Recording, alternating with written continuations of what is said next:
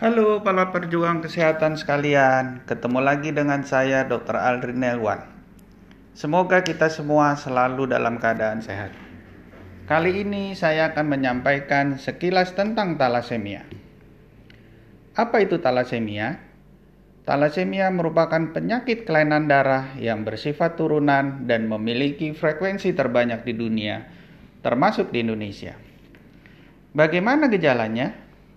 Gejala yang dapat terjadi pada talasemia meliputi badan yang sering lesu, pucat, cepat lelah, bahkan pada keadaan tertentu dapat menyebabkan wajah yang abnormal, gangguan pertumbuhan, serta perut yang membuncit.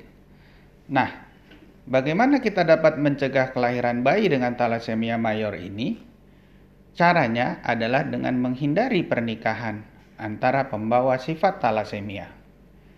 Bagaimana kita mengetahui bahwa kita atau seseorang merupakan penyandang talasemia atau pembawa sifat talasemia?